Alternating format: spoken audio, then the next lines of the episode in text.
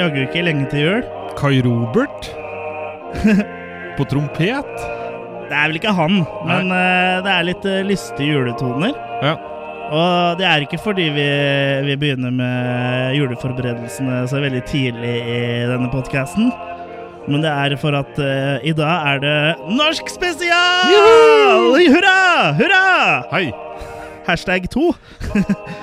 og vi skal da, som julemusikken da kanskje er et lite hint til, snakke om O hellige jul. Yes. Og O hellige jul er da en uh, amatørfilm. En norsk juleslasher sådan. Det er ikke ofte.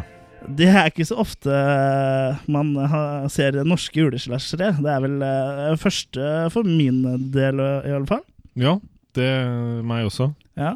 Med, med unntak av Filmjunkien eh, sin parodi 'Blodrød jul', så er det, vel, er det vel sånn offisielt sett den første norske juleslasheren. Stemmer. Men uh, før vi snakker om O hellige jul, Jørgen, hvordan går det med deg? Har du kommet deg siden forrige podkast? Ja, jeg har egentlig det. Mm. Nå, nå har jeg fått uh, stokk med trinsehjul. Ja, så bra. så det, det ruller og går. Ja, ok. Ja. Ja, men det er bra. Ja, Og så er jeg snart ferdig med alle julegavene. du, har begynt med det allerede? Jeg er Ja, ja. kjapp. Ja. Ja. Hvor, hvor har du gjemt min? På et sted du aldri kommer til å komme på det. For å si det sånn. Du finner ikke den. Nei, ok. Nei. Men hva er det du ønsker deg til jula, Jørgen? Jeg ønsker meg uh, fred i uh, Fred i uh, Verden? Nei, Nei. i, i Sarpsborg. Ok, så du går lokalt. Du Ja. ønsker deg fred i Sarpsborg. Ja. Mm. Fredrikstad? Nei, Sarpsborg. Ja, ok. Ja. Ja. Men da håper vi at uh, Give at, peace a chance, Ja. sier jeg. Da håper vi at eh, nissen har med seg fred i Sarpsborg i julesekken eh, sin om Ja, det blir vel nesten to, to og en halv måned til, omtrent. Jo, Så jo. det er bare, men det er jo viktig, nå har han fått beskjed. Ja, Så nå har han god tid på å, på å fikse dette her, da. ja. Så det er sikkert lettere for han å fikse jul i Sarpsborg enn uh, i verden. ja, for jeg tror ikke han vil ha for stort forventningspress. Nei. Nei. Det er, så, Da, det er nok et stort problem. Ja. Men frem til jul, det er en stund til, så kanskje vi skal slå i hjel litt av ventetida med å snakke om uh, O hellige jul, da. ja, det syns jeg. Ho, ho, ho. Er det noen snille barn her? Ja, jeg er snill. Jaha. Skal vi se om vi finner ei hardpakkåte, da.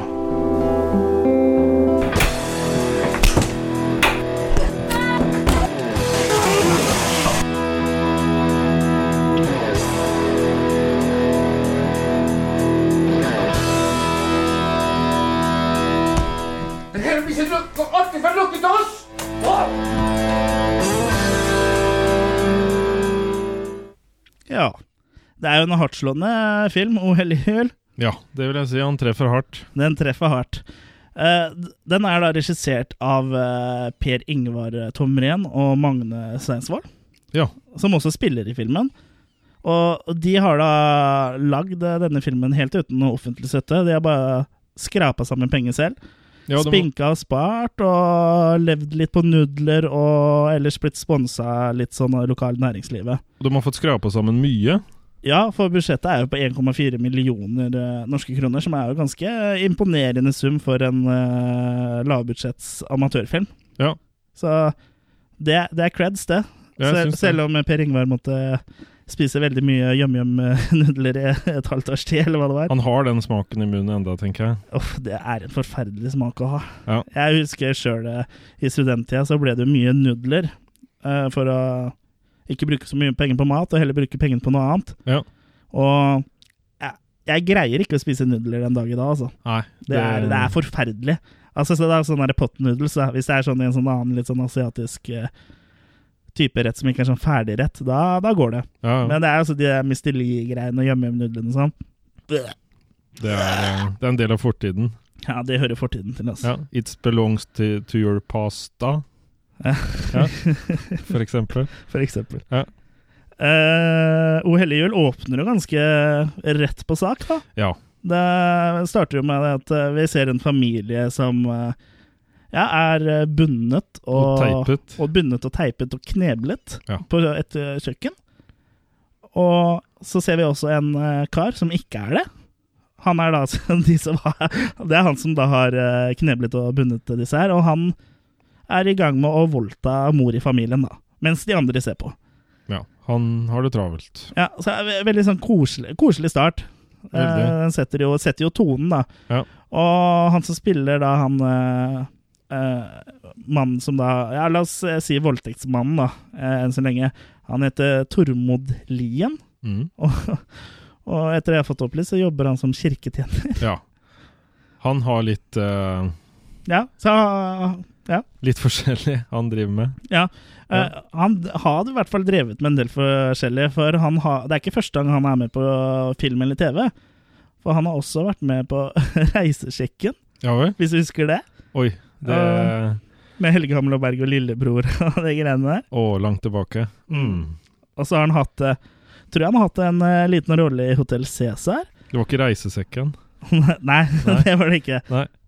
Og så har han jo hatt småroller også i filmer som eh, Karachi og En håndfull eh, tid, og har samarbeidet med skuespillere som Espen Kjønberg, Arve Oppsal og Bjørn Sundquist. Det er jo kjente navn. Ja, det er meget kjente navn. Jeg har ikke hørt om uh, Tormod Lien før, men jeg syns han så litt kjent ut. Ja, det synes jeg Så jeg har, har nok snappa og liksom sett den i et eller annet. Men jeg greier ikke å sette fingeren Nå på hvor. følger jo du Cæsar, så kanskje du har den derfra. Ja, jeg er jo Cæsar-fan nummer én. Ja. Jeg har jo faktisk tatt opp alle episodene På av video? Ja, på video 2000. Ja, For da kan jeg ta på begge sidene av kassetten. ja riktig. Ja, ja. Det er sikkert Eh, der du har sett den. ja det må være det. Eller på um, Jeg har ikke sett Karachi eller En håndfull tid, i hvert fall. Nei. Jeg var jo også fan av reisesjekk i min tid, så kanskje det. Ja. Men eh, etter endt eh, voldtekt, da eh, Ja, det er en pussig setning å si. Det, jeg syns ikke voldtekt er morsomt, men jeg bare tok meg litt i at det var artig å si det. Ja. Så går jo han Han karen, da, ut Ja, la oss kalle det retts, redskapsboden. Toolshed. Ja, toolshedet i det huset. Og henter verktøy, da. Elverktøy, power tools, Ja. som han da skal bruke eh, Ja, vi skjønner jo på en måte hva han skal. Han, eh, han skal ikke bygge en hytte. Nei. Nei. Skal ikke bygge en båt. Nei, Så han henter jo noe sånn uh, sirkelsag, og så henter han en sånn der uh, blåselampe, blowtorch. Ja. Sånn, uh, og det er faktisk en av filmens første av mange, mange, mange Tarantino-referanser. For Per Ingvar er veldig Tarantino-fan, og da fan av Pulp Fiction, så filmen er jo krydra med Pulp Fiction-referanser og plakater og alt mulig. Det er kult. Ja, det er kult, og det er helt umulig å få med seg alle. Ja. Og akkurat den referansen eh, her med blowtorchen er jo da at eh, Marcellus, etter han har eh, blitt redda av Butch fra de gærningene som har voldtatt han, så sier han at han skal ringe noen niggas med pliers og blowtorch, da. Så det er jo en referanse til det. Ja. Men eh, ja, denne fyren får da henta verktøyene, og vi får da se et møte mellom sirkelsag og baby. Ja. Den uh, Babyen ja. sitter og er i en sånn uh, liten slags eh, sånn vippestol med ryggen til kamera, og så ser du idet han skjærer opp babyen og spruter Spruter det masse blod på kjøleskapet her, da. Ja. Det, er, det er ikke noe for sarte sjeler, dette her. Nei. Og det får de veldig Da har de advart også samtidig. Veldig Ja, da vet du liksom uh, hva som kommer, så hvis det her blir for mye, slutt å se. Ja, det her er ikke skipperen, liksom. Nei, det, Nei. Er, det er det absolutt ikke. Nei. Men ta det med ro. Ingen baby ble skadd under denne filmproduksjonen. Bare Per Ingvar. Bare Per Ingvar, Ja. litt mer om det etterpå. Ja. For han uh, skada seg sjøl ganske mye, faktisk. Ja. Men den dokka er en såkalt sånn reborn-dokke, som da eh, ser veldig naturtro ut. Men er det en sånn du bestiller hvis du vil se ut åssen du f.eks. så ut når du var baby?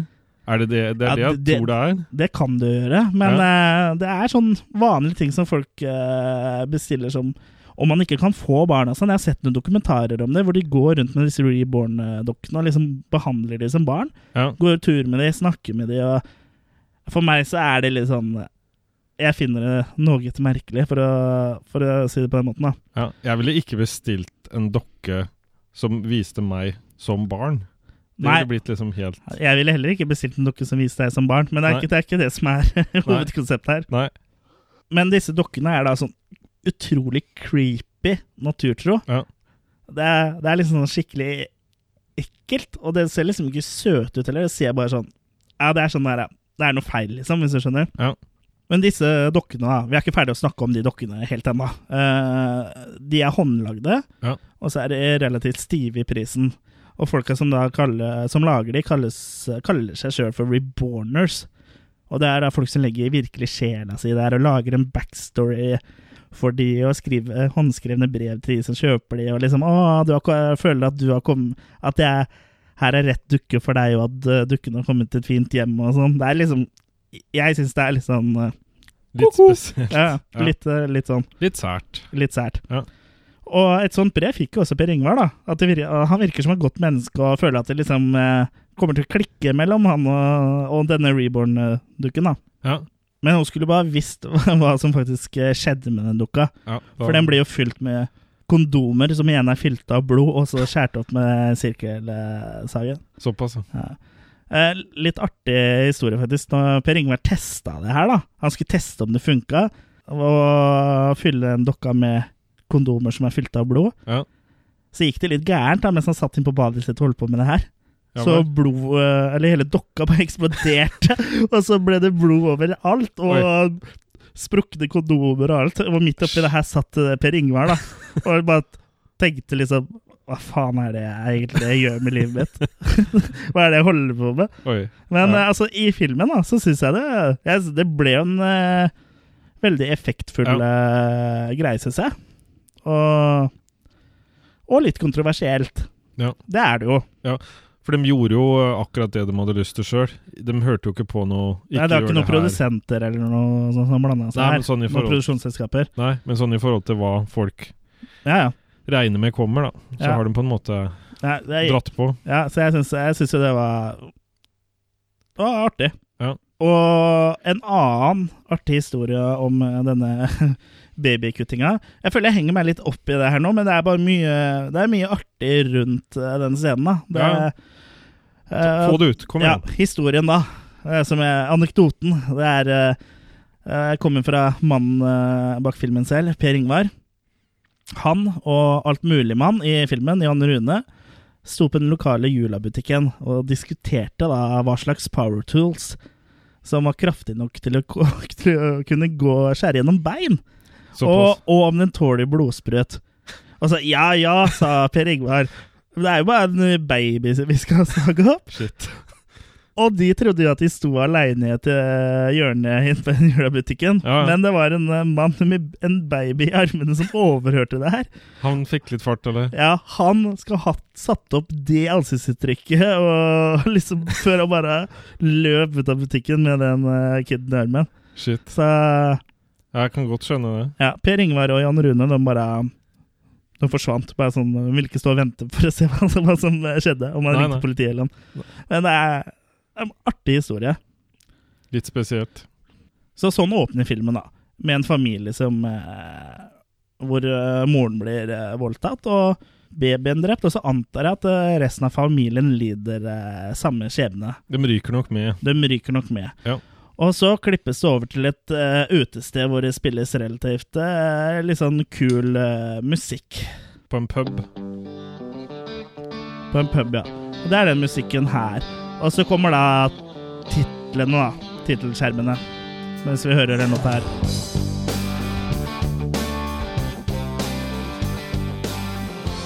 Og det er jo en ganske lang uh, tittelsekvens vi får servert her. Ja, og du blir vel sittende og tvinne litt tommeltotter etter hvert? Ja, for uh, det tar jo en fire minutters uh, tid. Ja. Kanskje mer, og det er jo nesten som en musikkvideo. ja. Og vi ser da våre Vi blir, møter da våre tre hovedkarakterer for første gang. Og de sitter jo på denne puben og prater.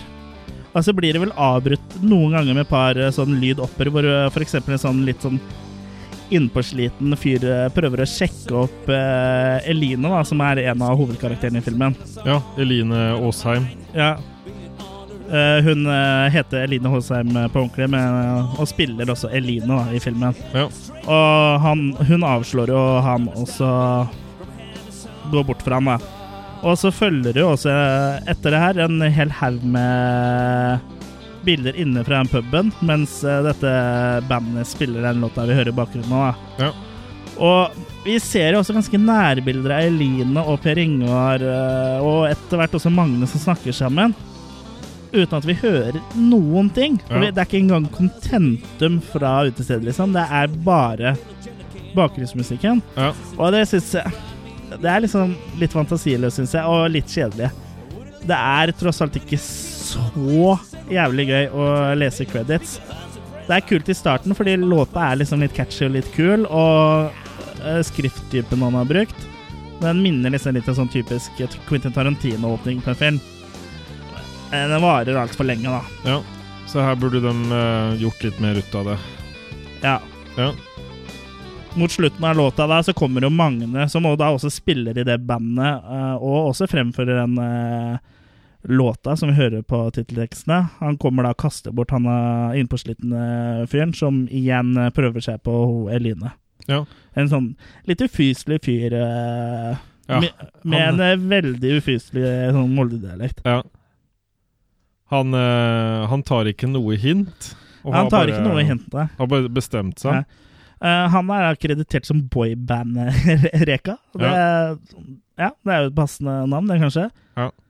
Han uh... Men som sagt, jeg syns det er er langt. Ja. Fire minutter med tittelskjermer, og det kunne i hvert fall vært noe handling, noe prat. Ja. Det var han jager bort og Ja, det kunne vært litt mer prat, så kunne vi liksom samtidig som vi hører litt kul musikk, og ser disse eh, litt artige, artige fondene med credits og sånn, så kunne de også liksom kunne Per Ingvar og Magne liksom dytta inn litt informasjon her, så vi allerede der begynner å bli litt kjent med karakterene. da. Ja, jeg syns den her skulle vært døtta inn mer til slutt, på en måte. Ja. Sånn uh, i forhold til funksjon. Ja, for det er jo hele uh, rulleteksta vi får her. Ja. Ja, men liksom Det er mange filmer som gjør det sånn, men da pleier det å være også litt ting som skjer. Ja. Mm. Og så, når rulleteksten endelig er ferdig, så er det juleverksted. Ja, for da sitter våre tre hovedpersoner, og ja, de har et juleverksted. Det kan jo kanskje virke noe spesielt å ha det for tre relativt voksne mennesker, men uh, la oss se litt på uh, disse tre hovedpersonene våre. Vi har da Per Ingvar, som uh, sitter i rullestol. Og han virker egentlig som en likende uh, fyr. Men Han virker som han har, kanskje har, har sine utfordringer, da. Noe, han er noe enkel. Ja, han virker enkel, men snill. Ja. Og jeg, jeg føler liksom at, at jeg liker Per Ingvar-karakteren litt, da. Ja. Han, det, det er liksom ikke noe vondt i ham, så det er liksom en du, Men du syns samtidig ikke synd på ham, men du liksom Man liker den litt, da, Ja. syns jeg. Og på andre sida av den eh, skalaen så har vi kameraten hans, eller hva det er for noe, Magne. Ja. Som er en litt sånn ufin, eh, frekk fyr, som da eh, gjør narr av Per Ingvar hele tida og sier at han er hjerneskada, tilbakestående.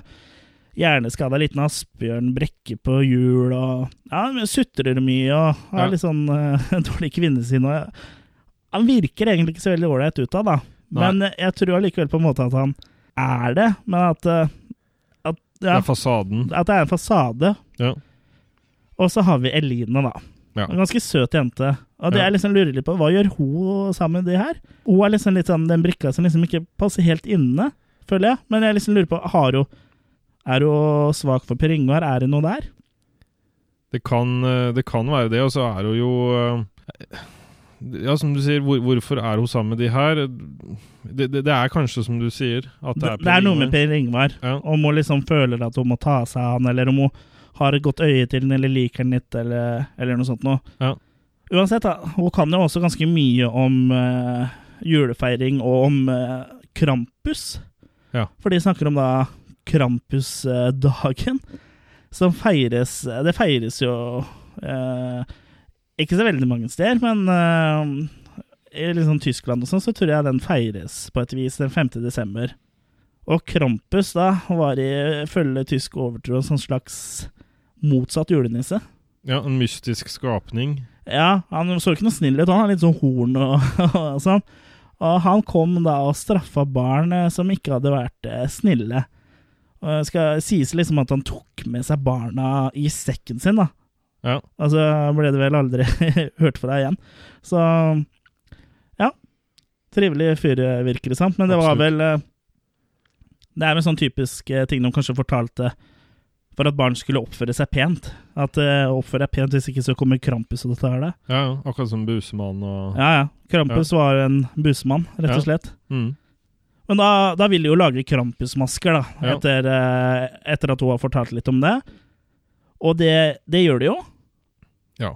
De, Det- og mens de snakker, så Nei, mens de lager disse maskene, så snakker hun også om fjøsnisser. For Eline hun kan mye om eh, alle slags nisser og alt mulig sånn. Tydeligvis eh, meget glad i jul. Ja, jeg syns kanskje at den scenen her eh, dras ut litt i lengselaget. Ja. Det er ikke så interessant å høre om fjøsnisser. Og så Men er de det lager ganske, disse og så er det et ganske tykt eh, teppe av trekkspill som hele tiden Ja, som ligger under, ja. Litt sånn koselig trekkspillmusikk. Ja. Uh, og så er det en halloween-referanse her, da. Etter at uh, Per Ingvar har tatt på seg maska, så ser du sånn uh, point of view fra han, og hvor du da ser Eline gjennom maska. da Du ser liksom de hulla for øya og sånn. Så det er jo en liten halloween-referanse sånn. Ja. Og så klipper det til at de er utendørs, og da har de tatt på seg disse Krampus-maskene de har laga. Ja, og da er det jo hun Eline som på en måte er sjølve Krampus, er det ikke det? Ja, det er i hvert fall maska hennes som minner mest om uh, de bildene jeg har sett av Krampus, i hvert fall. Ja, for å ha tatt på seg en sånn pels. Ja, ja, ja, hun har det også, så Ja. hun minner det mest om uh, Krampus. Og de, De andre, Krampus. ja, og de andre maskene er ikke noe sånn spesielt fine, det heller. Uh, I tillegg så har Per Ingvar en sånn Freddy Kruger-genser og en sånn Freddy Kruger-hanske med kniver på. Og han punkterer jo Han punkterer jo hjulet på rullestolen sin der han tar, det, Ja. tar hånda ned mot hjulet, som du naturlig gjør for å rulle fremover i en rullestol. Det går eh, dritt. Ja, det går dritt, og da banner og sverter uh, Mag Magne til land, selvfølgelig. Men hva er det du trodde skulle skje, da? Litt sånn eh, er, er det Det er Molde Var ikke det bra? Jo, Ja. ja. ja. Og jeg tror det. jeg tror det. Ja. Og de skremmer folk. Jeg liker å skremme folk! og det, det er sånn collage at de løper og skremmer folk. Ja. Jeg bare lurer på om noen av de eh, Om de skremte noen på riktig. Men det vet vi kanskje ikke. Men det vet jeg, for Ja. jeg har spurt Per Ingvar om det her. Og alle de som ble skremt, eh, visste at de ble filma, og at de skulle bli skremt. Ok. Så noen er da bare gode skuespillere. Ja, det er bra. Eller veldig lettskremt. da, Liksom, ja, jeg vet at jeg skal bli skremt, men Åh! Ja, litt sånn. Ja. Kimsey-aktig. Litt lettskremt. Ja. Og så kommer det en sånn sånn merkelig kryssklipping med, hvor du ser Eline forfra, hvor det, med ene maska, du kryssklipper da eh, bildet av uh, ho, Mellom bildet av ho og han uh, morderen som da vi så i starten. ja, For å varsle at det kommer noe ondt, eller? Jeg vet, jeg vet liksom ikke heller, for det, det er kanskje ment som en uh, måte å varsle om at det kommer noe ondt, men samtidig også så funker det som en slags overgang til neste scene, hvor han sitter og har en samtale uh, på Nav med Ja. ei som han da har skaffa jobb til. Og det Jeg liksom syns det er uh, litt, ja, litt rar overgang, liksom, men jeg kjøper den for så vidt. Ja. Men noe jeg derimot ikke kjøper, er at hver eneste scene med, med han morderen her, da, er at eh, det er, er jump cuts hele jævla forbanna tida. Når, han snakker, når han da snakker med hovedvedkommende som han har skaffa jobb til. Og jeg antar jo at det er for å liksom vise ustabilitet og at han har store psykiske problemer. Men når det er i hver eneste scene med han, så syns jeg liksom effekten av det forsvinner. Ja. For du får jo ikke med deg hva som blir sagt i scenene her. Nei, det brenner litt ut. Nei, og jeg tenker jo liksom at hvis han Hvis eh, han virkelig hadde psyka ut så mye som eh, det tydeligvis gjør, da, bare i en vanlig samtale med folk, så ville folk plukka opp det her, liksom, tenker jeg. Ja. Og liksom lurt uh, på det. Altså, jeg jeg syns bare det ødelegger litt for filmen, eh, rett og slett. Ja, for han, du- han blir jo ikke lagt merke til. Nei. Han klarer jo å takle denne Ja, dobbeltheten. Ja, ja, så det er derfor ville jeg liksom Når han er eh, eh, Når han eh, samhandler med andre, så syns jeg at han skulle vært streit, helt streit, liksom, og ikke Ja. noe sånn der innklippa noe psykotisk, og at Gjerne liksom veldig snill og sjarmerende type. Og han har jo skaffa hun her en jobb, og så kommer også en kollega inn og slår av en vits og sånn, så det er jo det er tydelig at han liksom er en folk vil prate med, da. Ja, ja. Så derfor føler jeg at klippinga her ikke matcher innholdet, da. Nei. Men eh, den effekten med jumpcuttinga funker når han er alene, og han søker opp Eline, og han liksom ser for seg en fantasiversjon av henne, og begynner å onanere til fantasien han har om henne, og ser bilder av henne som han har søkt opp i databasen. og Da, Da- er jo han med for seg sjøl. Ja, da kan jo Da la det slippe det, for da psyker han liksom, og så ser jeg at han sitter med plantegninger av en leilighet og liksom planlegger noe, så vi skjønner jo at Eline hun er i deep shit, liksom. Vi skjønner at hun er neste, liksom. Ja. Det skjønner vi jo. Og så er det en ganske kul overgang til neste scene, hvor overgangen inn til en scene ikke funka. Så syns jeg overgangen ut uh, var ganske kreativ og artig. For uh, han morderen han heller seg en kopp kaffe, Ja.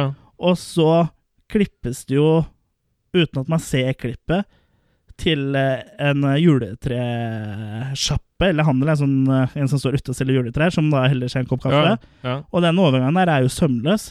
Så den, den syns jeg er veldig bra, og det er, det er sjelden du ser Mm. I amatørfilm. Ja. Og så generelt sett også er, er fotoen i denne filmen her er jo ganske mye høyere enn det er i andre amatørfilmer, syns jeg. Den er en del hakk over. ja, så de har tydeligvis brukt penger litt riktig i forhold til alle de pengene de har hatt tilgjengelig. Ja, eller de har i hvert fall funnet en fyr som eh, kan filme litt, da, som vet litt hva han gjør. Ja. Og stort sett så funker det bra. Det er noen steder hvor det er sånn lange dialoger, hvor den som prater mest er i det fokuset sånn. Det funker ikke så bra. Men eh, of, som oftest så funker det bra. Det blir ingen jul uten juletre.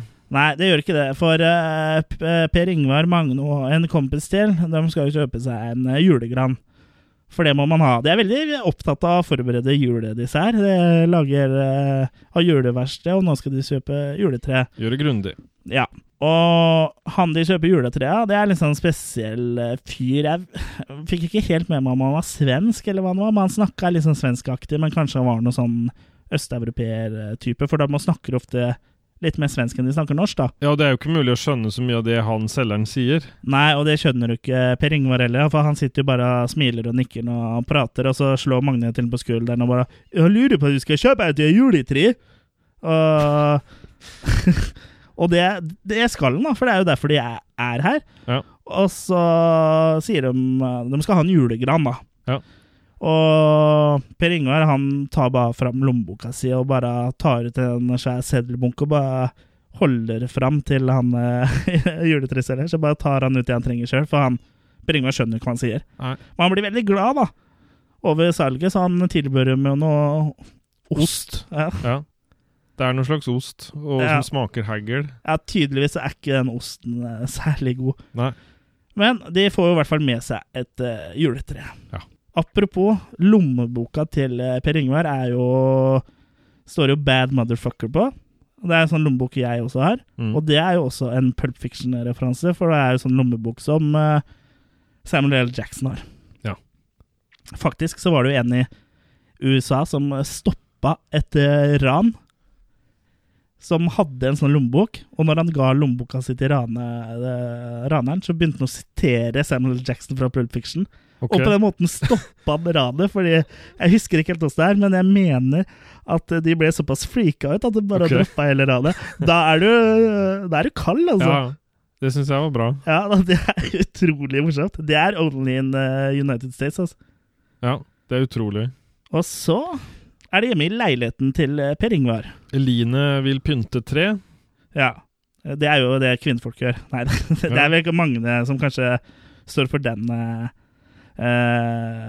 kjønnsrollefordelinga, ikke meg. Men hun vil eh, tydeligvis pynte tre. Ja. Magne syns det er teit. Ja. Eh, per Ingvar eh, skal lage gløgg, men Magne vil, har jo noe å si der. Ja. Han uh, syns at det må modifiseres noe. Ja. Han har uh, tukla litt med resepten, tror jeg. Ja, han tar jo all sprit han finner, eh, og all drikke for øvrig med prosent i, og heller oppi den derre gløggen. Og lager da Ubergløgg. Ja. Uh, de brukte 10 000 spenn omtrent på, på polet for Ja. å kjøpe ingrediensene til, uh, til denne gløggen, og de tar jo opp i alt mulig rart. Uh, men ifølge Per Yngvar så smakte den gløggen visstnok ganske godt. Så de drakk seg fulle på en uh, på ordentlig. Og det òg er litt artig, for det, det er jo en kollasj hvor de drikker av Nubelgløggen og koser seg, og det er party, party, liksom. De, eh, de er godt i form. Mm. Og eh, litt sånn nachspiel-stemning er det der, og hvor han Magne spiller på gitar og synger en countryballade, og det er litt koselig. Og da, da ser du liksom Da får du, kommer du litt tettere inn på gjengen, og du ser at, at Magne har litt andre sider enn bare den der frekke eh, kommentaren hans, Ja, da. han, er, han kan Ja. være litt trivelig òg. Ja. Men eh, rett etter vi har liksom tenkt han er litt trivelig, så har han jo en samtale med Line om kjønnsroller. Og jeg mener at kvinnfolk hører bare hjemme ett sted. Ja, eller to steder, da. Og det er liksom kjøkkenet og soverommet. Ja. Jeg tror ikke jeg skal ta så veldig mye mer som morderdialekt, for jeg, Jo, føler, jeg føler at det begynner å skli ut nå. Nei, det går bra. Men eh, i den kollasjen hvor det er eh, full, full party, så så får jo også noen andre enn disse tre smake på den Ibergløggen. Det er en viss gullfisk. Ja, det er Emilio 1, som er gullfisk, en av gullfiskene til eh, Per Ingvar. Den uh, blir full og svømmer da baklengs, og det ser vi i filmen. Og Jeg spurte jo Per Ingvar om det her, om, det, om den fikk alkohol på ordentlig, og det gjorde den. Ja. Og det går fint med den. Emilio lever den dag i dag. Men han begynte da som sagt å svømme baklengs. Det gikk ikke utover leveren til gullfisken eller sånn. Nei. Nei. Det gjorde ikke det. Nei. Men det er i det hele en eh, heidundrende fest, og det ender vel med at Magne river ned det juletreet. Ja, han kaster seg mot det. Ja. Og dagen etter så våkner Per Ingvar opp utenfor leiligheten. Da ser han ut som en sånn polfarer som har Ja. i snøen. Ja, for han har istapper i fjeset. Ja. Og han brekker vel av en istapp. og så drar han seg sjøl inn. Eller han krabber. Ja. Krabber inn i leiligheten. Og der ligger jo Magne, som da fryser, nettopp pga. at utgangsdøra har stått uh, oppe. For han ligger jo da med juletre over seg. Han har sånn intercourse med det juletreet. Ja, og det treet har jo mista absolutt hver eneste barnål, så hva Magne har gjort med det treet i løpet av natta, det er ikke godt å si. Det vil vi ikke vite. Det vil vi ikke vite. Nei. Eh, men døra har vel ikke stått oppe hele natta, det bare var vel Per Ingvar som åpna det, bare. For å komme seg inn. Mulig. Eh, uansett så fikk i hvert fall Magne med seg det her at det er helvetes koldt. Men Eline, Ja, hvor faen er Eline? hvor er hun? De finner ikke Eline. Så de leter, leter litt etter henne. Og til slutt så finner de henne sånn liggende sånn opp ned med bena litt opp til veggen i Jeg tror det er et slags garderobeskap. Ja. Per Ingvar, gentleman som han er, han tilbyr jo å kjøre henne hjem Ja. på sykkelen sin, eller sin elektriske rullestol. Det er en sånn slags Det er en elektrisk rullestol, men hvis du ser for deg at den ser ut som en sånn trehjuling, på en måte, med et slags sykkelstyre Litt sånn scooteraktig. Scooter! hyper, hyper! How much is the fish? Scooter. Ja. Men Per Ingvar tar altså da kjører Eline hjem på denne elektriske rullestolsykkelen. Ja. Og så kommer jo nærmest akkurat som dette siste pausebildet som kommer på NRK, sånn helt til slutt, hvis dere gidder å sitte oppe helt til NRK ikke sender noe mer. Ja, ja. Bare at det er jo 19 Når det står hvem som har vært sånn kanalvert og sånn. Ja, ja. Og, så, og så kommer det bare en sånn derre Og så kommer jo de der kjørende over, akkurat som den der brua i Flåklypa, vet du, der hvor Ja. den der eh, skal over. Ja. Så er det bare kjempelang scene hvor de skal fra A Og til B. kameraet står helt rolig. Ja. Det er veldig fint sånn startbilde, og det er veldig koselig musikk der. Men uh, etter liksom et par sekunder så uh, skulle jeg ønske at du da klippa til en sånn nærbilde av de to, at de At de liksom At de hadde litt kjemi seg imellom, da. At det, Ja. liksom, at det skjedde noe der. At det var en slags utvikling der. Hadde ikke trengt å vært noe mer enn smil og sånn øyekontakt, og at det var liksom koselig. Følelsen av at de hadde en fin tid sammen. Det holder, det. For uh, hvis han da hadde gjort det, så hadde liksom det som skjer senere i filmen, vært mye, mye jævligere. Hvis man liksom på en måte tenker at de, åh, de er liksom så nærme å bli, bli kjærester, liksom. Det kunne vært close-up, f.eks. når de var midt på brua. Og så ser ikke da Per Ingvar noen ting, ikke sant? Og så kjører, kjører han ut av, av brua. Ja, fordi de ser- stirrer hverandre så dypt i øynene. Ja. Ja, ja men du, du skjønner hva jeg mener. Ja. Jeg vil ha litt mer Gjort bonding der, og da hadde du også fått litt mer kjøtt på beina til Eline. Og Karakteren hennes er litt endimensjonal. Eh, nå, da hadde jo på en måte bare kanskje blitt en eh, love interest for Per Ingvar òg, men det hadde i hvert fall vært noe, da. Ja. Jeg er enig i det at der hadde vi hatt mulighet. Mm. Så litt sånn statisk, syns jeg. Ja, det er jeg enig i. Og etter eh, sannsynligvis en ganske god stund, da, så kommer, kommer de jo til Helene. Og i en bil her så sitter jo da han eh, Nav-ansatte slash morderen og tar Psycho. bilder. Ja. Og han psykoen han overvåker dem, og i Mm. tillegg så har han også plantegning over leiligheten til Per Ingvar. Ja. Og etter at uh, Elina har gått inn og Per Ingvar har begynt å kjøre hjemover igjen, så gjør jo også morderen vår det. Han kjører og kjører og kjører. Det blir mørkt, så han bor et stykke unna. Så det tyder jo da på at han bor et stykke unna der hvor han vanligvis plukker ofrene sine. Ja. Sikkert for å ikke bli mistenkt eh, selv. Mm. Det er litt om å ikke drite der du spiser og sånne ting. Og da er det hjem til eh, familien hans, da. Og der virker det som han er en vanlig familiefar. Han har en kone og datter og Men samtidig som han sitter og spiser middag med de, og sånn, så er det liksom Er det den der jævla kryssklippinga som krysser i hytt og pine, og, og så ler han litt sånn Ja, alle har hemmeligheter, og så klippes det til en voldtekt vi ser i starten, og så kryssklipper det til neste scene, hvor det er da lyst, men så klipper det tilbake til den hvor det er mørkt. og eh, Fram og tilbake. Jeg syns det er Mister litt fotfeste her. Ja, det er eh, Det er litt rotete, altså. Ja. Og det er jo også en scene hvor han uh, Psycho Han leser også en barnebok. Ja, han er leser for dattera si. Ja, og der også kryssklippes det jo, hvor du ser at han ler sånn ondskapsfullt, holdt jeg på å si. Ja. Og det Jeg syns ikke det funker, altså. Sorry, Per Ingvar og Magne. Det, dere har uh, overdrevet det litt. Samtidig så kommer jo Magne og Per Ingvar og Eline da fram til en P-plass. Ja. En parkeringsplass, ja. Og det, og det er jo det som er litt sånn rart, er at det er ikke samtidig heller, for det er jo lyst. Ja. For det her skjer jo samtidig, men det er lyst. ja. Så det her er jo kontinuitetsproblem, og Her er det tidssoner. Ja, det er nok det det er. Ja. Han eh, velger ofrene sine så langt unna at uh, det er forskjellige tidssoner. Ja. Og sannsynligvis så hadde den uh, bilen hans Vi så vel alle den eksteriørt, så det var vel kanskje en DeLorean. Ja. Så når han kjørte og, uh, 88 miles per hour, så så han som serious shit og reiste i tid. Ja, men da, da skjønner jeg. Ja. Da skal jeg ikke klage mer. Ja. Men uh, ja, hva skjer eh, på den parkeringsplassen? Nei, det, det skjer jo ikke så veldig mye eh, annet enn at det klippes bare mellom uh, fram og tilbake. De parkerer på en eh, plass for handikappa. Ja, Det eneste de gjør, så får vi vel ikke Vi får vel ikke egentlig helt greie på hvorfor de eh, Nei, er det, der. det er vel utafor leiligheten det Ja, Per Ingvar var, er det ikke det? Ja, Ja, for det skjer vel ikke noe mer? Uh, I så fall så husker ikke jeg det.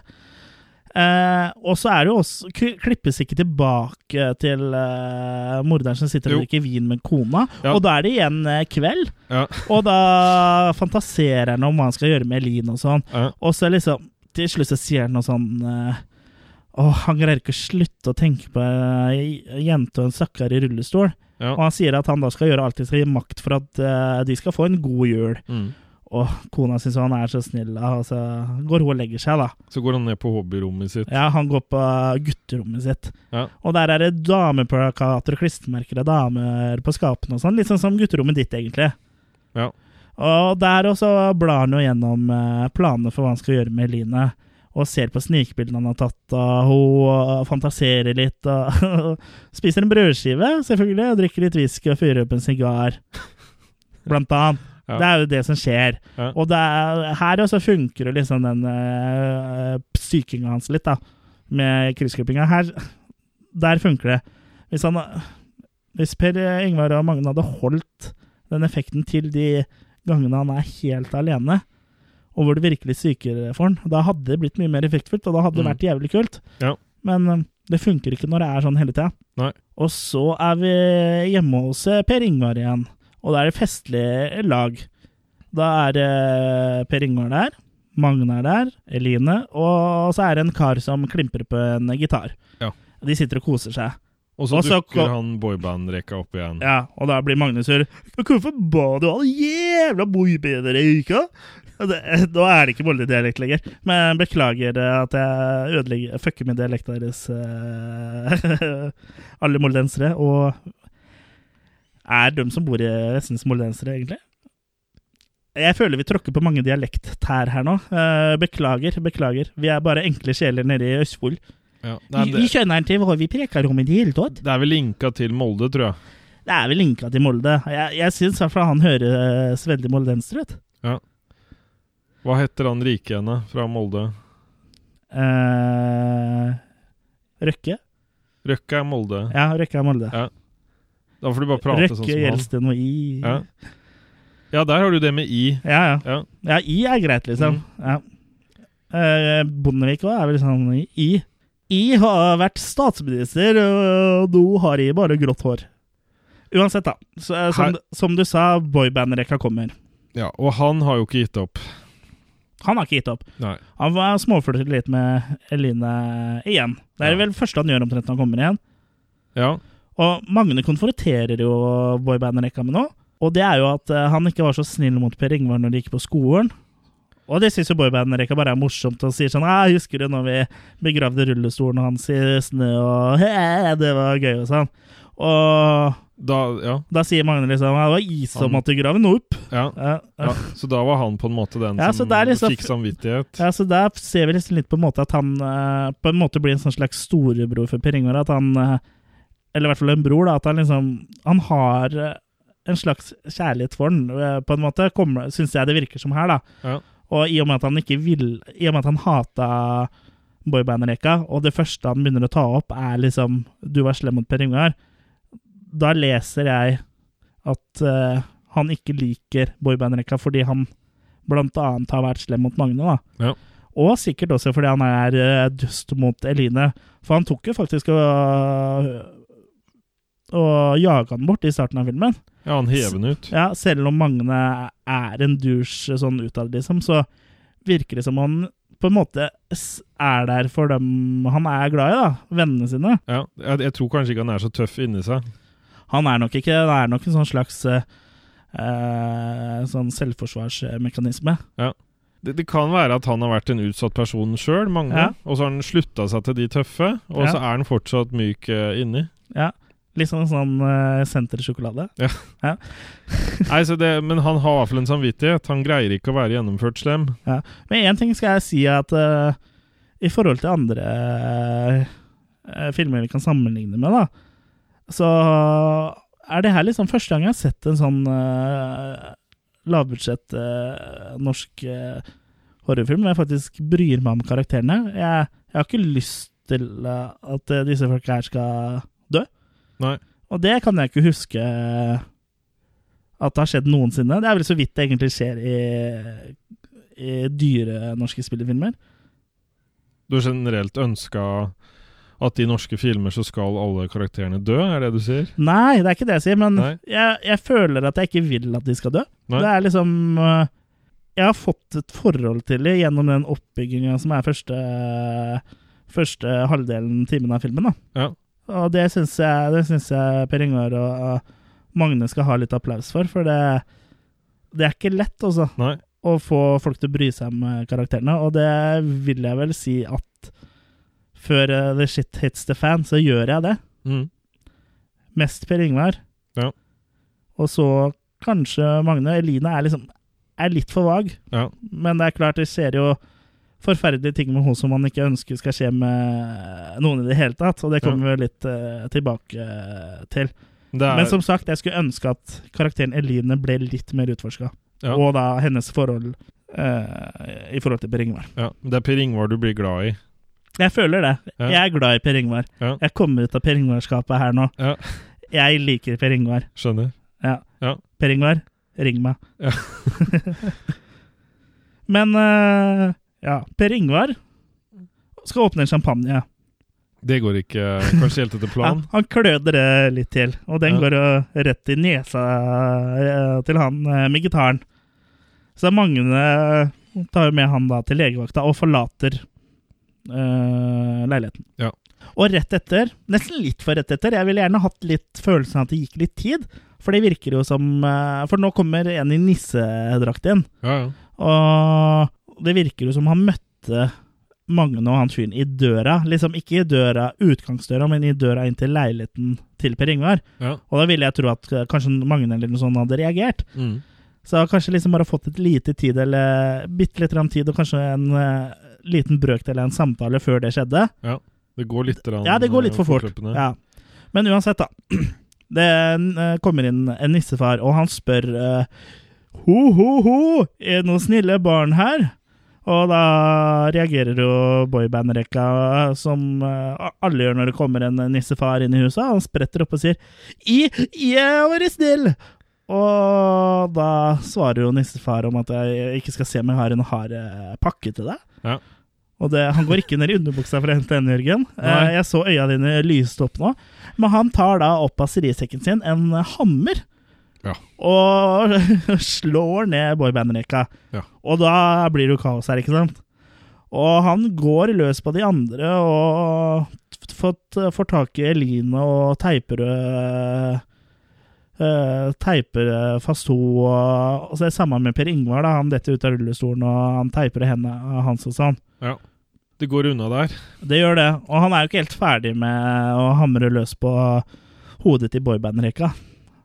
Han hamrer jo enda Det- mer. Det blir ikke mye igjen av Nei, den høyblokka der. Å sånn. Nei, hele hodet blir jo mosa. Ja. Og det jeg synes eh, faktisk en veldig bra effekt, for du ser jo hammeren kjøre ned i huet igjen og igjen, og det er en Jeg syns det er en veldig bra effekt, så her ble jeg faktisk imponert når jeg så det, over hvor bra de hadde fått til den effekten her. da, Når uh, hodeskallen hans bare blir most og blodet uh, spruter ut. Det ser, eh, det ser bra Det ser bra ut. Det ser kult ut, Ja. liksom. Mm.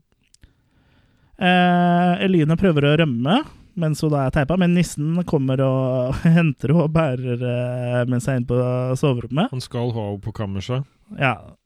Og han drar også med seg Per Ingvar, og setter han da opp mot veggen. Ja. For Per Ingvar, eh, han vil at Per Ingvar skal få med seg det som skjer. Ja. Og nissefar drar da forbi eh, gardinene. Jeg føler det er veldig rart å si nissefar drar forbi gardinene. Det er ikke, jeg tror det er premiere på den setninga.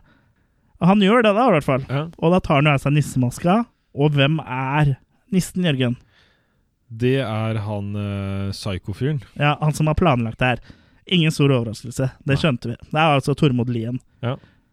som spiller eh, morderen. Og han går ut på kjøkkenet og henter en sånn, eh, en sånn blokk med kniver som står her. Ikke notatblokk, men en sånn, sånn treblokk som knivene står nede. Du skjønner hva jeg mener, Ja. Jørgen? Du Mm. nikker bekreftende. Ja. Setter de på nattbordet, og så blar han gjennom eh, LP-en der, og så setter han på en eh, LP. Carol of the Bells. Ja. Og begynner sakte, men sikkert eh, å forgripe seg på Eline. Men han rekker jo egentlig ikke å begynne ordentlig, for han blir avbrutt av at det ringer på. Han går jo og åpner døra, og der står det to ungdommer. Vi Som- aner ikke hvem de er. Nei, antagelig så var det vel eh, noen eh, festdeltakere som ville inn eh, på festivitasen som eh, foregikk i leiligheten til Per Ingvar og Emilio igjen. Ja. Eh, det er i hvert fall en blond jente og en eh, kar. Og han De kommer jo inn, og så Det han nissefar gjør, er at han knekker armen på og dama. Og mens hun da sitter på gulvet og, og ser på, så tar han og skjærer av hodet på han andre. Ja. Og der er effekten ekstremt bra, syns jeg. For det hodet som eh, de har fått laga her, Ja. det ser uh, utrolig bra ut Ja. til å være så uh, lavt budsjett. Eller liksom Drit i budsjett, liksom, men jeg syns det ser bra ut. Det er liksom uh, Det er som et ekte hode. Ja, i hvert fall så nærme nok til at vi godtar det. For Ja. det syns jeg var veldig imponerende. Uh, han tar jo med seg det hodet her. Ja, for det er, det er Call of Nature. Ja, hva gjør han? Han uh, må pisse. Ja, Så han tar jo med seg hodet på do, han. Ja. Så setter han det på vasken. Men så kommer det ingenting når han prøver å tisse. Nei. For det er noe som forstyrrer han. Ja, For han satt jo hodet på vasken med ansiktet da mot han, Mm. så han føler at det forstyrrer han litt. Ja. Så han går bort.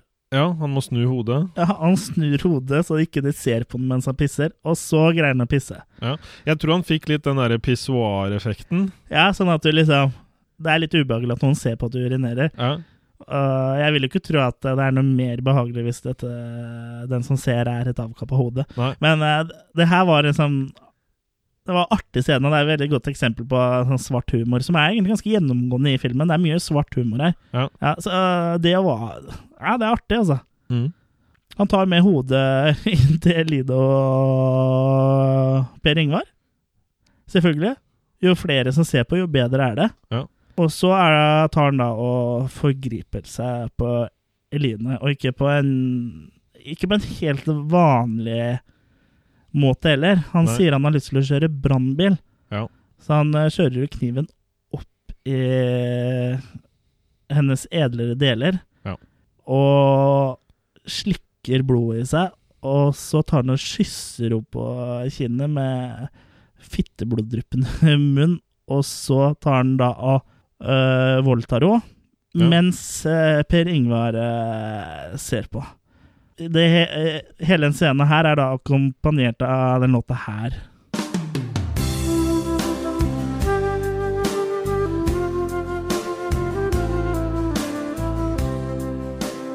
Ja, så det er jo glad og lystig musikk da, til, eh, til forferdelige scener. Og det kan jo minne litt om uh, Cannibal Holocaust, som vi snakka om uh, forrige gang. Ja. Og, Per Ingvar har faktisk bekrefta det at han uh, var inspirert av uh, temamusikken til eh, Riz Ortolani i Cannibal Holocaust. Og også til en viss grad uh, West Cravens eh, Last House on the Left. Og som vi snakka litt om sist gang òg, å velge såpass eh, lystig eh, musikk på en måte til noe så forferdelig eh, som eh, skjer Det gjør det enda visuelt, mer eh, det gjør det liksom enda mer ubehagelig og mye sterkere. Så jeg syns jo det, det funker. Som i Cannibal Holocaust så funker det også veldig bra her, uh, syns jeg. Ja. En litt sånn uh, artig fun fact igjen her da, er at Per Ingvar og co. På den offisielle premieren så ankom de eh, premieren da, i en brannbil. Ja. Som eh, referanse til denne scenen. Ja. Så det er jo en referanse du tar først når du har sett filmen, selvfølgelig. Så det er sikkert ikke så mange som skjønte noe av det når de ankom. Men De fikk lyst til å kjøre brannbil. ja, ja. Jeg håper ikke de fikk lyst til å kjøre brannbil som han eh, morderen gjør på Eline. Men eh, ellers er det sikkert gøy å kjøre brannbil. Ja. Ikke sånn seksuelt uh, Ikke som den seksuelle metaforen, uh, men eh, å, Å kjøre kjøre en- ekte brannbil Ja. med Mm. brannmenn. Nei, vet du hva, det her blir bare det, Da roer jeg. Da roter jeg vei det, noe jeg ikke kan stå for her. Eh, men teipen, da, den eh, løsner jo på Eline, og så sier hun Hun sier et eller annet, men det, det er litt eh, Litt vanskelig å få med seg, for som mange andre amatørfilmer så lider også den filmen her av litt dårlig lyd. Ja. Og det, det gjør det ikke noe verre for dumme østlandsører at det er eh, på dialekt. Ja. Men vi tror vel at hun sier noe sånn uh, Vi kan komme opp med alternativer her. Ja, A er eh, 'elsk meg'. ja, B er frels meg. Ja. Eller C Hva er det du gjør? Ja. Ja. Og vi tror at det er alternativ A, at hun sier 'elsker meg'. Mm. Og hvorfor hun skulle si det, vet jeg ikke, men om at det kanskje skulle få ham til å miste tenninga, eller at han skulle gi seg eller stikke av. Jeg, jeg vet ikke helt. Nei. Men han stikker ikke av, men han stikker ho. Ja. Han stikker henne mange ganger i en kniv, med en kniv. Ja. Og Per Ingvar, stakkars Per Ingvar, han har jo sittet og fått med seg alt dette her. Og du ser at han virkelig lider. Mm. Så hvis vi hadde sett litt tidligere i filmen at det var en uh, begynnende kjemi, et begynnende forhold, et gryende forhold mellom disse to karakterene, så hadde den scenen her blitt enda sterkere. smerta mer. Ja, det hadde smertet enda mer, selv om den er smertefull i utgangspunktet. Ja. Men hadde smertet enda, enda, enda mer, da. I og med at eh, de da har uh, et forhold. Per Ingvar eh, roper jo og skriker selvfølgelig eh, så godt han kan da, gjennom gaffateipen han har, eh, har på munnen, men det er jo fåfengt, ingen hører noe, for det blir bare sånn ja. Men eh, da nissefar tar da til slutt puta over eh, ansiktet til Line og kveler henne da, til å slutte å bevege seg. Ja. Og igjen ringer det på. Telefonen til Per Ingvar eh, ringer, og nissen tar opp og ser at det er Magne som ringer. Og utafor er det Magne og han kompisen som har vært på legevakta, som står eh, og vil inn i leiligheten.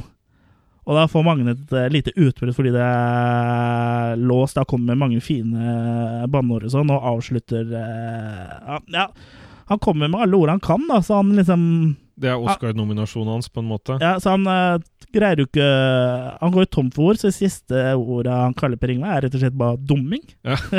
så da har han liksom brukt opp orda sine. Ja. Og imens eh, de står utafor, da, så er jo nissen en eh, kald laks. Han tar og vasker klærne i vaskemaskinen, trekker ned i dass etter seg, tar seg en dusj i dusjen. Og etter å ha voldtatt og drept noen, så eh, hender det jo sikkert at man blir litt sulten, så han får også lyst på litt mat. Og han finner fram noe brød og noe pålegg. Ja. Men han finner jo ikke noen kniv. Nei.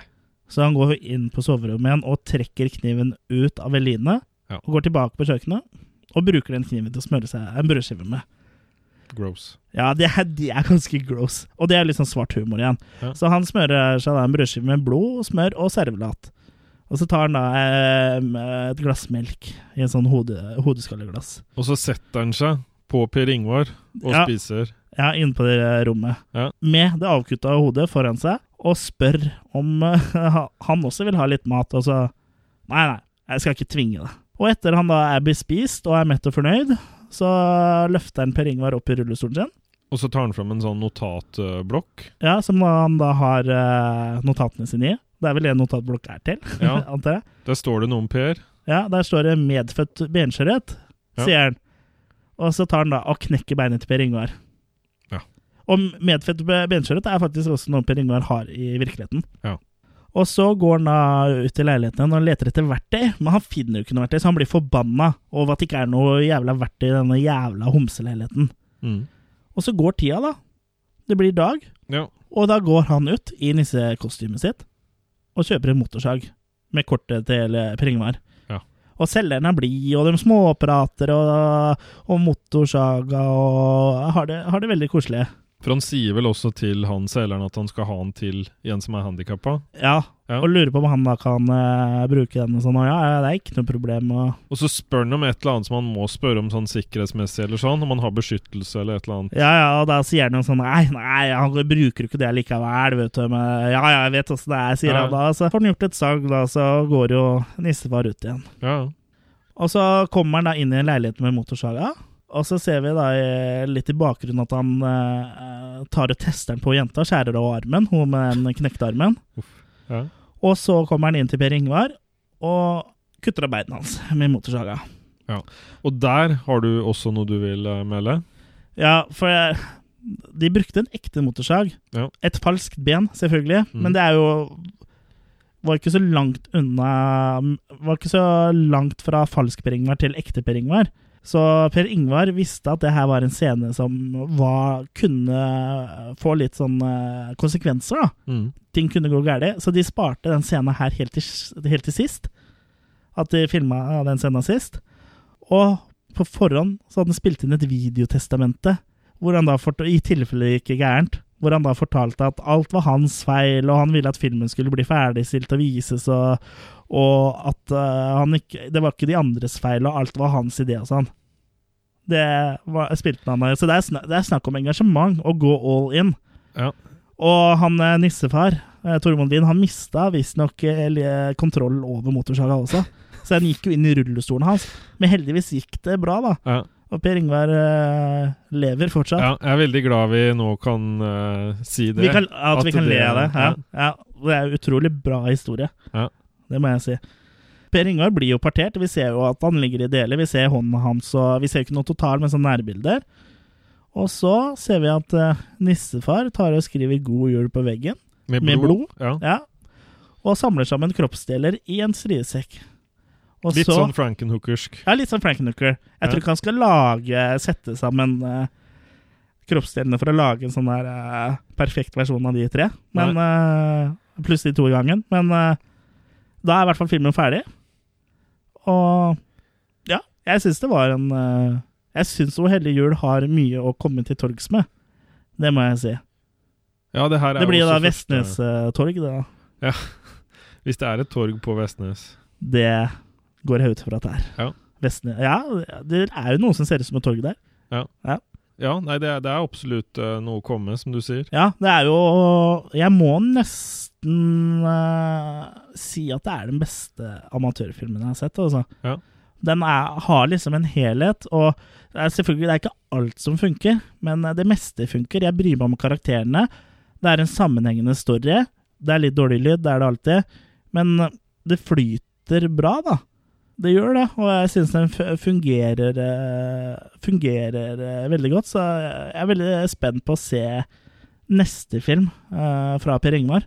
Ja, absolutt. Han er vel i gang med preproduksjon slash research på en film som heter Angst, som ser ut som en film som tar litt annen retning. Med litt sånn Ja, nå har jeg bare sett uh, postertegninga, men det ser litt mer eh, sånn uh, spøkelsesaktig ut. Men eh, jeg gleder meg til å følge med videre på han. Ja, Og Magne har også sitt eget prosjekt. Ja, han har også et eget prosjekt, så de har nå splitta opp og regissere hver sin eh, Lage hver sin film på hver sin kant, da. Ja. Så det kommer mye god film fra Vestnes eh, fremover. Men eh, hva- syns du om O hellige jula, Jørgen? Jeg syns det på en måte er en eh, sterk film Mm. om eh, Og at under all den svarte humoren så ligger det på en måte også Jeg føler liksom at det er litt, eh, også litt alvorlig i, i det her, da. Hvor ille faktisk folk kan være. Ja, det er, det er jo litt kritikk eh, til det offentlige som ligger litt i bunnen her òg. Ja. Og det har jo Per Ingvar forklart òg, at det på en måte er eh, sånn halvveis basert på hans Uh, opplevelse av møtet med det offentlige, da. Så det er jo I og med at han sitter i rullestol og har medfødt benskjørhet, sånn, så har han jo vært i kontakt med en del offentlige instanser, og så har han jo operert en del, og det var blant annet, annet en lege som faktisk brakk beina hans på ordentlig, fordi han var et brudd i beinet som ikke hadde eh, lega riktig. Ja. Så han tok bare og brakk opp beinet, så det kunne leges på nytt. Per Ingvar lurte på hvorfor han ikke fikk noe smertestillende, men eh, det var ikke noe vits i, for de hadde ikke hjulpet allikevel. Det er, så det er, Ja, riktig. det er meget spesielt. Ja. Og så er det også en annen gang han ble operert for beinet sitt, hvor han da fikk for lite narkose, så han var våken og fikk med seg at de drev og sagde i beina hans og drev og holdt Mm. på med det. Ja. Og det er sikkert en jævlig opplevelse. Ja. Det, det må det være. Men uh, nå skal det sies at eh, de retta det til neste gang, for da fikk han for mye narkose. Så ifølge Per Ingvar sjøl, da, så var han teknisk sett død. Før eh, de henta han tilbake igjen, da. Ja. Det her er jo Per Ingvar eh, som har fortalt meg om det her, så jeg bare gjengir det jeg fortell, forteller. Og det skal jo ikke bli noen sånn politisk debatt om uh, det offentlige systemet her, men uh, det er jo mye som tyder på, etter som du leser i aviser og sånn, at det er ganske mye som ikke fungerer, altså. I, i det offentlige Velferds-Norge. Man hører jo mye rart. At Man hører veldig brått- mye rart. Ja, At en brått amputerer skal amputere et bein som ikke er friskt, f.eks. Sto jo nå nylig i, i pressa. Ja, det var vel en som eh, Det her var vel på Sykehuset Østfold, hvor det var en som skulle få amputert beinet, men Ja. eh, han hadde ikke Det var ikke noe feil med det. Det var ikke noe feil med noen av beina hans. Så Så det skjer ting, i hvert det skjer ting. Så jeg har ikke noe, jeg har ikke noe problem med å tro på Per Ingvar når han forteller om eh, disse tingene her. Eh, men alt i alt, altså, O 'Hellig jul'. Jeg syns det er en, eh, en god film. Ja. Og veldig gode effekter. Og så, som også vi har snakka om eh, tidligere, så er det veldig god bruk av musikk der. Ja. Magne er jo veldig talentfull når det gjelder musikk. Ja, det er jo Magne Steinsvold som er korregissør sammen med Per Ingvar her, som har laga mesteparten Ja. av musikken. Ja. Og jeg syns at uh, Du hører at han er erfaren. Ja, han er dyktig, og musikken funker veldig bra i denne filmen. her. Det er ikke noe sånn cheesy syntmusikk mens man går på tur i skogen. Nei, jeg skjønner ikke hvor du vil hen, men Nei, det eh, jeg vet, jeg vet ikke jeg heller. Nei. Men uh, veldig, veldig bra film. Jeg, ja, jeg anbefaler alle å se den, altså. Det, det, er, det er en sterk historie som ligger i bunn. Ja. Nå kommer den på DVD i 5. desember. eh, På selveste Krampusdagen. Så da er det bare å ta på seg Krampusmaska og kjøpe den. Jeg tror eh, gutta gir den ut sjøl, så jeg veit ikke helt hvordan de distribuerer den, men eh, vil vel mest sannsynlig bli tilgjengelig for salg over interwebs, tror jeg. Ja. Og apropos interwebs, frem til neste gang så må du huske på å være aktiv eh, på vår Facebook-side. Den er også på interwebs. En annen ting som er der, er nettsida vår. Så ta gjerne å være aktiv der òg. Og ellers så har vi jo Instagram og Twitter-konto også. De er kanskje ikke like aktive som Facebook-sida vår, men eh, vi er der. Ja. Vi er der. Vi er der. Vi er der. Mm. Vi er der du er. Ja, vi er der du er. Så se alltid litt over skuldra di, for uh, skal ikke se bort ifra at jeg og Jørgen driver og lusker eh, bak der, altså. Nei, så hører du lyden av en uh, motorsag eller et eller annet sånt, så løp. Ja. Ja. Det, det er egentlig sånn et godt uh, generelt uh, tips. Ja. Med mindre du er skogsarbeider, da.